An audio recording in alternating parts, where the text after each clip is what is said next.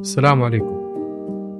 بدون مقدمات وبدون تمهيد لو تابعتوا هذه الحلقة والحلقتين اللي قبلها أحب أقول لكم شكرا. مش لاستماعكم ولكن شكرا لأنه عندكم الرغبة لمواجهة الجانب المظلم في حياتكم الجانب المكمل للهوية. من أنا؟ جانب الظلام المكمل لجانب النور. ثق تماما أن الجانب المظلم يعمل لصالحك. هو جزء منك وتهمه مصلحتك. لذلك كل ما أهملت ورفضت رايات التحذير كلما زاد. يمكن في يوم من الأيام تسمع صوته وتحاول تسمع لرسالته لك. يزداد حجم الجانب المظلم وتأثيره كلما تماديت في بعض الأشياء اللي بتصنع دوامة تقوم بتضخيم الجانب المظلم. إيش هي دي الأشياء؟ هذا أنا محمد وبودكاست ورقة بيضاء.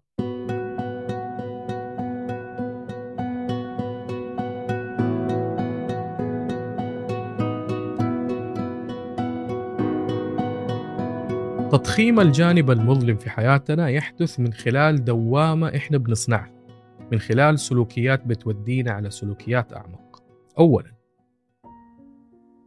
إخفاء الأسرار عن نفسك وعن الآخرين. الحياة السرية هي الغذاء اللي بيعيش عليه الجانب المظلم. وهذه الأسرار إما إنكار أو خداع أو خوف من الكشف عن ذاتك أو حكم الآخرين عليك ووضعك في أحد القوالب المشينة. ثانيا الشعور بالذنب والعار. ما في شخص معصوم من الخطأ ولا أحد كامل. لكن إذا شعرت بالخجل من أخطائك وبالذنب تجاه عيوبك فإن الظل يكتسب القوة. ثالثا الحكم على نفسك والآخرين بالخطأ.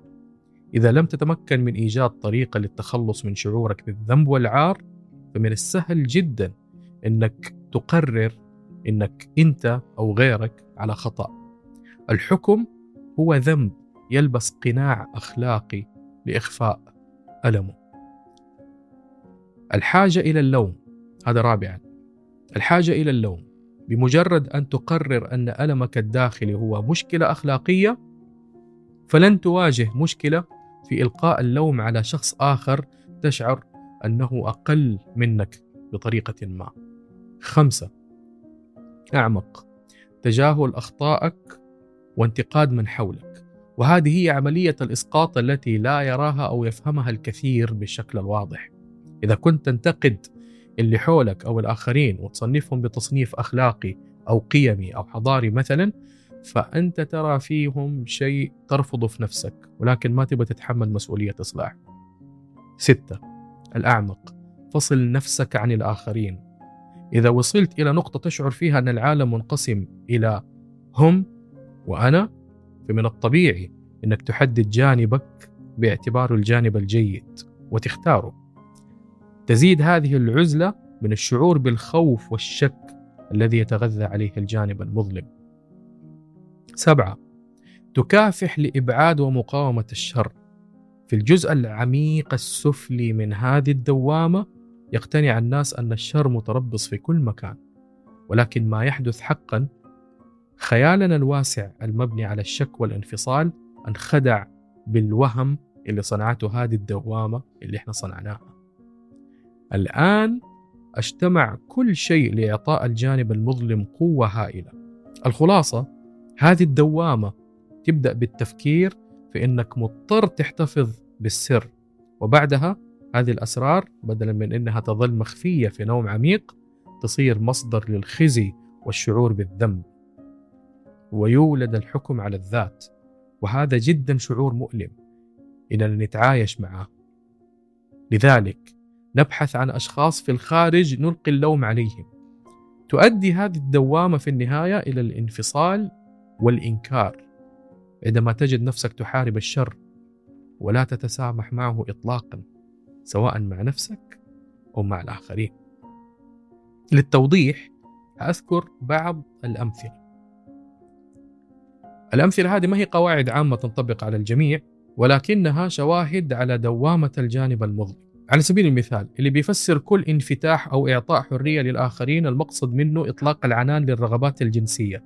ويكافح باسم الفضيلة ضد الشر وقد يكون في العمق يكبت رغبة جنسية هائلة للعلاقات المتعددة. في مثال آخر شاب ما ترك بنت إلا وتنمر عليها، ما ترك مشهور مشهورة في وسائل التواصل إلا ورماها بأبشع الاتهامات. قد يكون تبريره أن المرأة أدنى من الرجل. أو إنهم. النساء سبب لكل مشاكل المجتمع. هو الآن يقوم بخوض معركة ضد شيء يعتقد إنه شر وفي العمق يمكن يكون اترفض من فتاة في الماضي أو تم استغلاله من الجنس الآخر يمكن عاش في بيت أب مع زوجة ثانية غير أمه وتعرض للأذى. مثال ثاني البنت اللي تلف على شاب وتحاول تعمل عليه كنترول وتحقر فيه وما ترتاح لين ما تستغله وتبتزه عاطفيا. قد يكون تبريرها إنه الرجال ما لهم أمان أو أو ظلمة أو أي شيء لكن في العمق تعرضت لأذى شديد أو تعرضت لتحرش أو إهانة من علاقة سابقة أو من الأخوان أو الأب أو أي رجل كانت تعتبره مصدر أمان. مثال أخير. هذا المثال مرة حساس. من يدافع عن أقلية من الناس عرضة للتنمر ولكن بيدافع بغضب وتطرف. مثلا واحدة شافت بنت بتتنمر على صديقتها لأنها قبيحة وزنها زايد لونها مختلف أصلها مختلف أو يمكن ما تعرف تلبس. فتدافع بشراسة وترد الإساءة بساءتين والكيل بمكيالين. أنت اللي قبيحة. قبل لا تتنمري على الناس وتتنمري على صاحبتي شوفي نفسك يا عنصرية. الظاهر هنا أنه دافعها جدا إنساني وقد يكون المبرر الدفاع عن المساواة والإنسانية. ولكن هذه المعركة الضارية كان ممكن تكون أكثر حكمة وهدوء ولكن بسبب وجود جانب عميق إنها قد تعرضت لهذا الأذى. أو أنه عندها نفس النوع من التنمر والإحساس بالتفوق والعنصرية أو يمكن عدم قبول المختلف. لكن هي بتقاوم هذا الجانب لأنه غير مقبول في عيلتها أو غير مقبول في الأخلاق ولا في الدين. فهنا يحدث الإسقاط. وهنا بيحدث الانفصال وإطلاق الحكم بشراسة وغضب.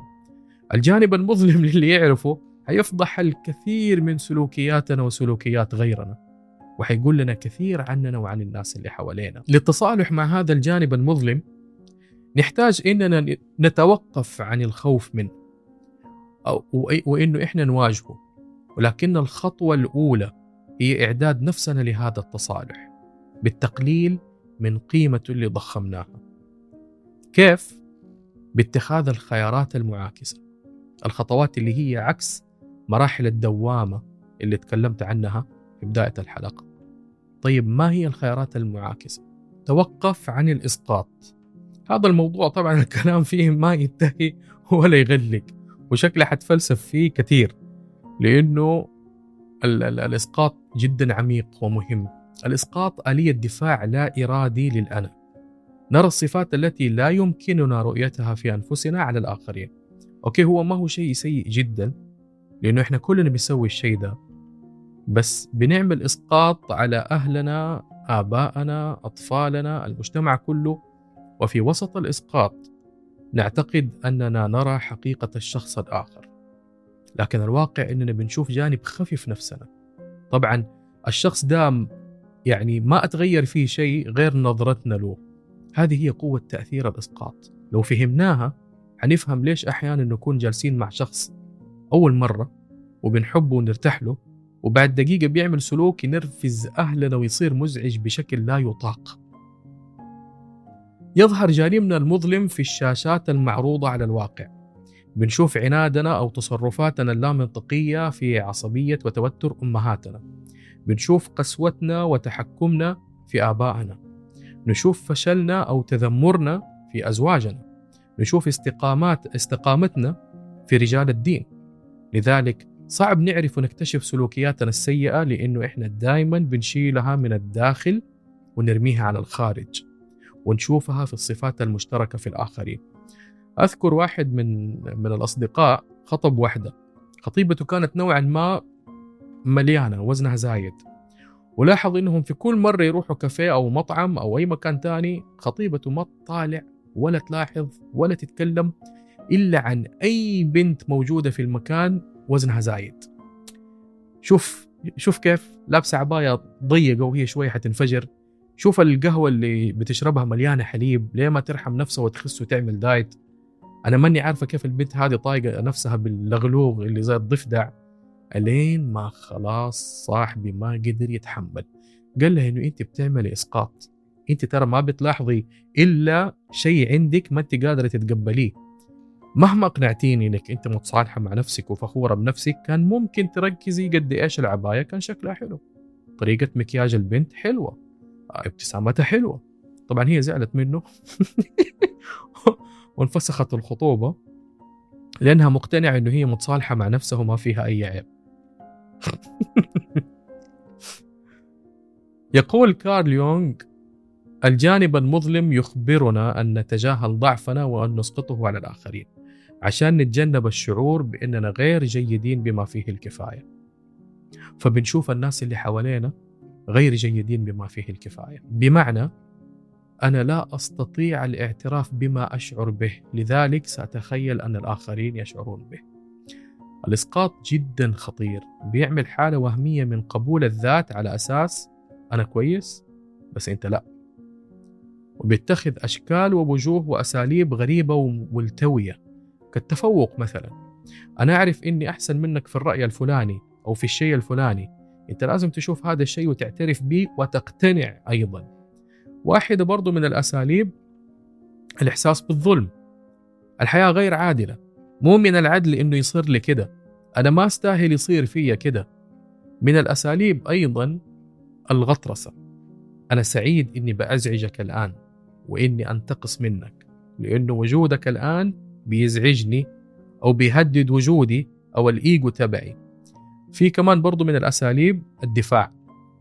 أنت الآن بتهاجمني فأنا أعتبرك غير موجود وما حأسمعك أصلا وحعاندك نوعا ما الدفاع ربما يتخذ نفس أسلوب الغطرسة في, في بعض الأحيان. في كمان أسلوب اللوم وهذا معروف جدا ومنتشر. أيضا أسلوب التحيز أحد أساليب الإسقاط. إنك بتتكلم مثل واحد سيء أعرفه فأنت أكيد منهم.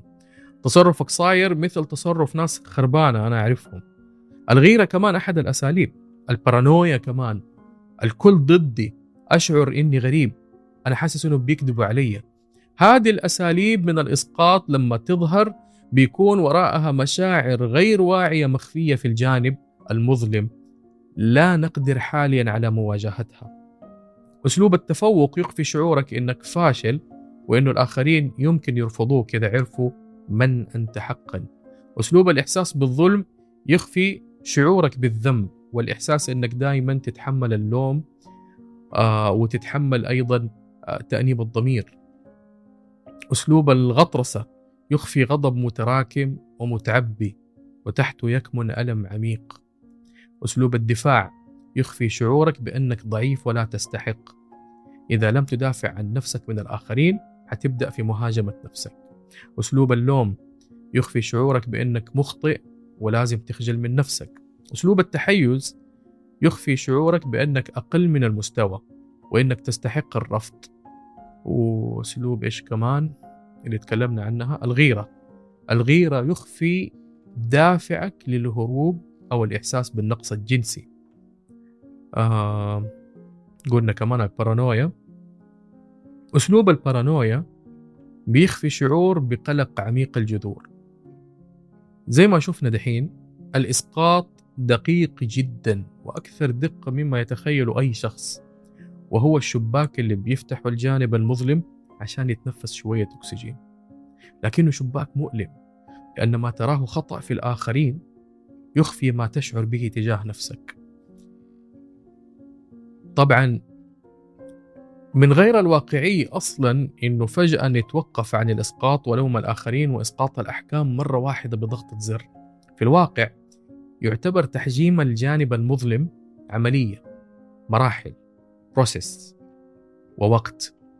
للتوقف عن الإسقاط نحتاج أن نرى ما نفعله ونتواصل مع الشعور المخفي تحت السطح والتصالح مع هذا الشعور. اللحظة اللي بتشوف فيها شعور خفي بيظهر هي اللحظة المناسبة اللي تحتاج فيها الاتصال بهذا الشعور. إذا ما وقفت وسألت نفسك ما الذي أشعر به حقا الآن؟ فأنت بتدير ظهرك لليقظة والاستعداد والانفتاح والصدق والشجاعة وتترك الجانب المظلم يستمر في السيطرة. وقوفك لمعرفة الشعور الحقيقي يفتح لك الطريق عشان تصنع السلام مع مشاعرك. في الواقع عندك عدة خيارات. إما دفع هذا الشعور للعمق للعمق أو تلوم نفسك أو تهاجم الشعور أو تندم عليه أو تعتذر عنه. ولا شيء من هذه الخيارات في مصلحتك سوى عقد السلام مع هذه المشاعر. كيف؟ أعترف بيها. عيشها. بعيدا عن المثالية والدراما ولباس قناع القوة والكبرياء أشعر بالشعور سواء كان غضب أو خوف أو حسد أو كراهية أشعر به بس لا تتصرف بناء عليه. فقط أشعر به قل له أنا أراك أنت تنتمي لي. مو لازم إنك أنت تشعر بالرضا عن هذه المشاعر فقط الشعور بالمشاعر. مثل ما قلت أول هي عملية. بروسيس خطوات وقت. حترجع هذه المشاعر في ظرف آخر. مع الاستمرار بالاعتراف بهذه المشاعر حتوصل الرسالة. حتبدأ هذه المشاعر الغير مرغوبة حتبدأ تشعر إنه هي غير مرغوب فيها. وتستحي على نفسها وتمشي. طبعا معظم القصص متجذرة في الطفولة. لأن الطفولة هي أرضية التعلم تبع الشعور بالذنب والعار والاستياء والدونية وكل المشاعر السلبية اللي بنحملها معانا. ولما تواجه واحدة من هذه القصص تقبل. أخبر نفسك أنه أنت كان عندك سبب وجيه للتمسك بهذه المشاعر السلبية. ما كان عندك خيار في الماضي. أنت ما سويت شيء خاطئ. بقيت مشاعرك القديمة حولك لحمايتك من تكرار نفس الجرح. اصنع السلام مع هذا الآن. وهنا انت حولت السلبية إلى إيجابية. الجانب المظلم ما كان موجود عشان يأذيك ويعتقد أنك بحاجة أن تكون حذر في حالة حدوث هذا الألم مرة أخرى. أنا أنا أتكلمت كثير على الإسقاط وخليني دحين أتنقل على ثاني الخيارات المعاكسة للتصالح مع الجانب المظلم.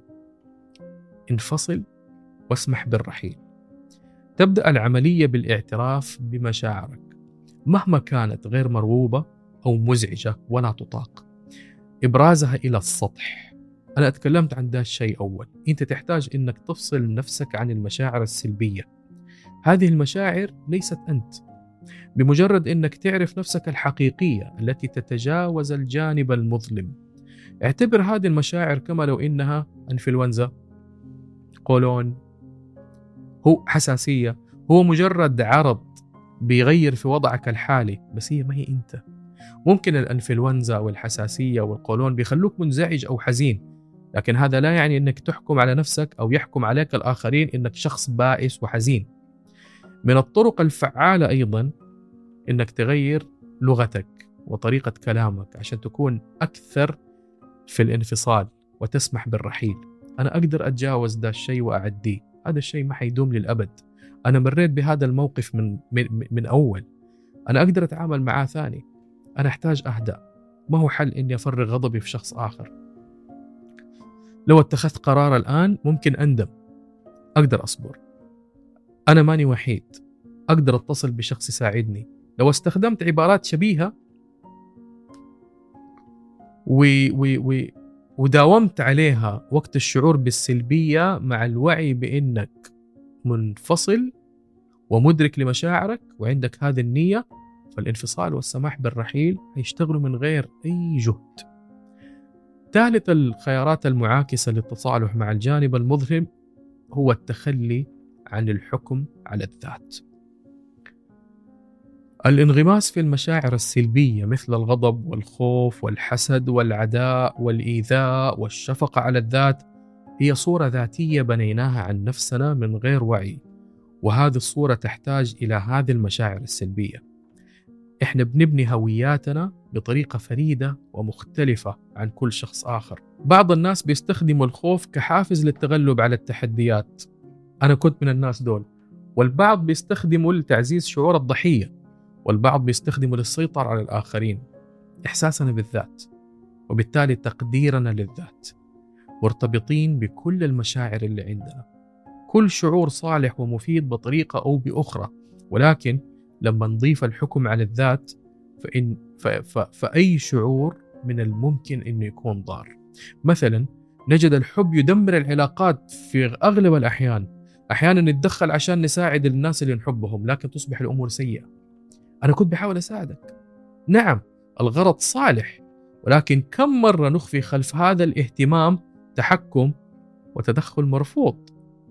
كم مرة نخفي خلف الاهتمام مطالبة غير معلنة بمقابل من الاهتمام؟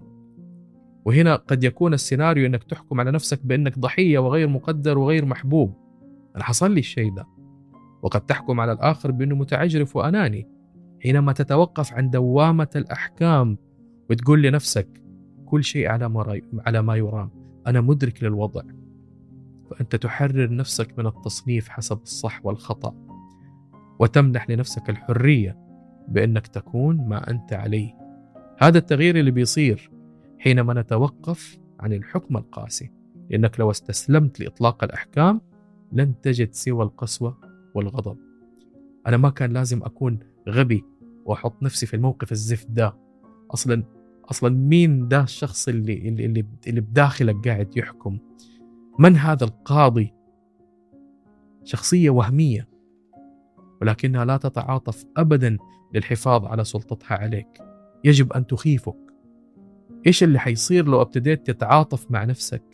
هذه الشخصية القاسية اللي بتطلق الأحكام حتبدأ في الزوال. الخطوة الرابعة أعتقد أنه وقتي دحين انتهى. آه الحلقة القادمة حتكون عن آخر حلقة عن الجانب المظلم. حتكلم عن آخر خطوة وحتكلم عن الحياة كيف ممكن تكون لو تصالحنا مع هذا الجانب المظلم. كونوا بخير. كان معكم محمد وبودكاست ورقة بيضاء. شكرا.